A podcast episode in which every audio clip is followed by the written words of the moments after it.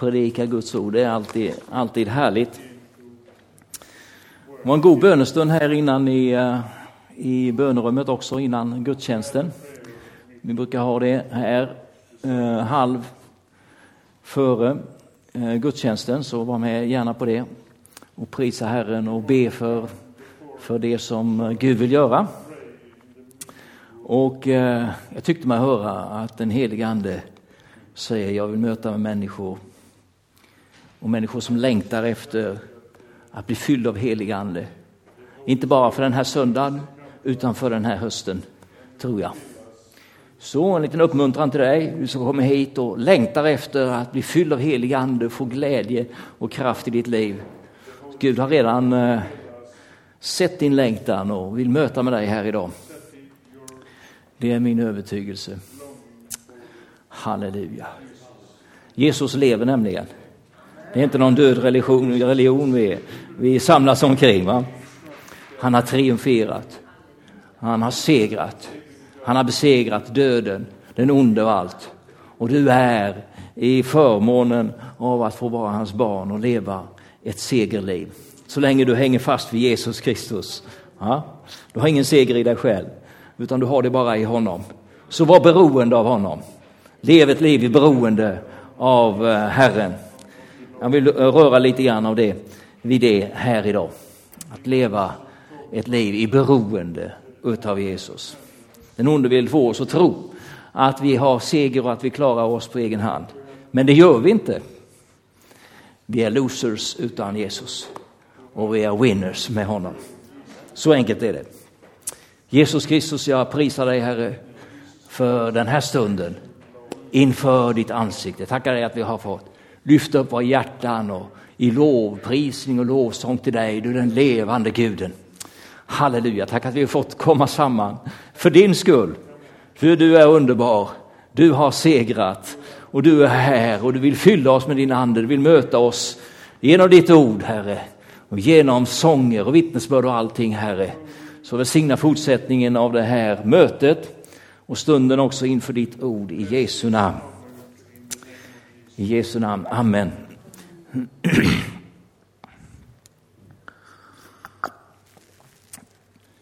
Idag så vill jag dela lite av en, eh, en kung i eh, Juda, Israel, som eh, hette Hiskia. Det står en, del, en hel del om honom, både i Jesaja boken, för han levde eh, samtida med Jesaja. Men det står också om honom i, i krönikeboken och i, i andra krönikeboken och i andra eh, kungaboken. Det var en, eh, en eh, man som gjorde det som var rätt i Herrens ögon, står det. Han regerade i Jerusalem, jag tror det var i 29 år eller sådär. Det står om hans pappa, Ahas, att han gjorde det som var fel i Guds ögon. Och redan här så tänker jag, ja, man behöver inte göra som generationen innan om de har vandrat ogudaktigt. Då kan man välja en helt ny bana och följa pappa Gud i himmelen och, och eh, leva på rätt sätt. Va? Eh, han gjorde det som var rätt i Guds ögon. Han älskade sin Herre och han försökte att göra allting rätt och rättfärdigt under hans ansvar och hans tid som, som kung. Han levde ungefär 700 år före Kristus. Och eh,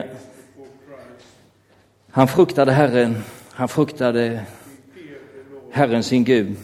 Läget i landet var allt annat än bra.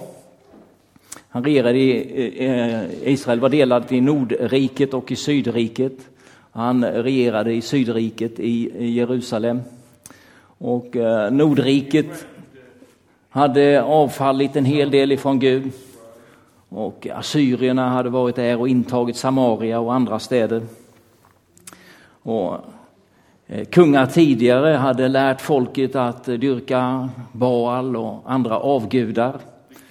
De hade gjort offerhöjder på och, och avguda offerplatser på höjderna och, och läget var allt annat än bra i eh, Israel, både i Nordriket och i Sydriket. En del i Nordriket hade redan blivit slavar utav, eh, under assyrierna. Och, eh, men Hiskia, han tar tag i det hela, han gör reformer. Han bankar sönder avgudahöjderna. Han river ner asererna, platserna för, för dyrkan av främmande gudar.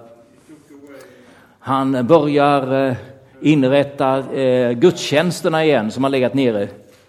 Han ger leviterna och prästerna mandatet att, eh, att offra Eh, och sätter igång eh, lovsångsteamen att börja prisa Gud i eh, templet. Det har inte skett på många år. Och det kommer in en sån glädje i nationen på grund av att Guds dyrkan och gudsfruktan fruktan kommer in ibland judarna igen. Han samlar till att fira påsk. Pesach, det har man inte gjort. Och han eh, skickar bud i hela nationen om att nu ska vi fira Herrens högtid. En del skrattar åt de här sändebuden, men det kommer ganska mycket folk och eh, de firar eh, påsk. Och eh, han gjorde det ena efter det andra, Hiskia, efter sin förmåga. Och eh, man förstår när man läser på de här olika ställena att han hade ett gudsliv själv. Det var bara, inte bara liksom någonting som han tyckte att han skulle göra som det var bra, utan han älskade Gud och han hade en nära relation till Herren själv.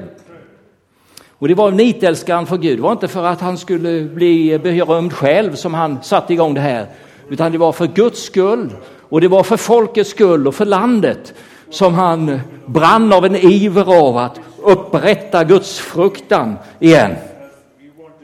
Och han jobbar uthålligt. Han eh, håller på i 29 år sammanlagt. Det är en bra tid i eh, Juda under Hiskia. Det står eh, också i skriften står det ju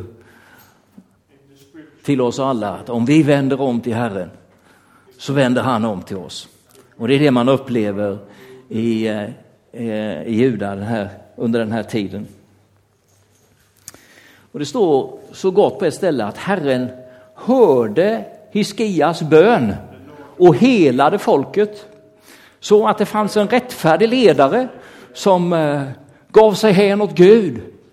Det hade påverkan för eh, hela folkets eh, läkedom. Herren helade folket på grund av Hiskias gudsfruktan. Så att du älskar Jesus, prisar Gud. Det har betydelse inte bara för dig själv utan för människor runt eh, dig. Du blir en kanal för Guds helande läkedom och välsignelser. Det kan man lära utav det här. Under den här tiden så, så har han förstått att det finns fiender, det finns assyrier här som, som eh, hotat Nordriket och så han passar på att, att förstärka Jerusalems murar.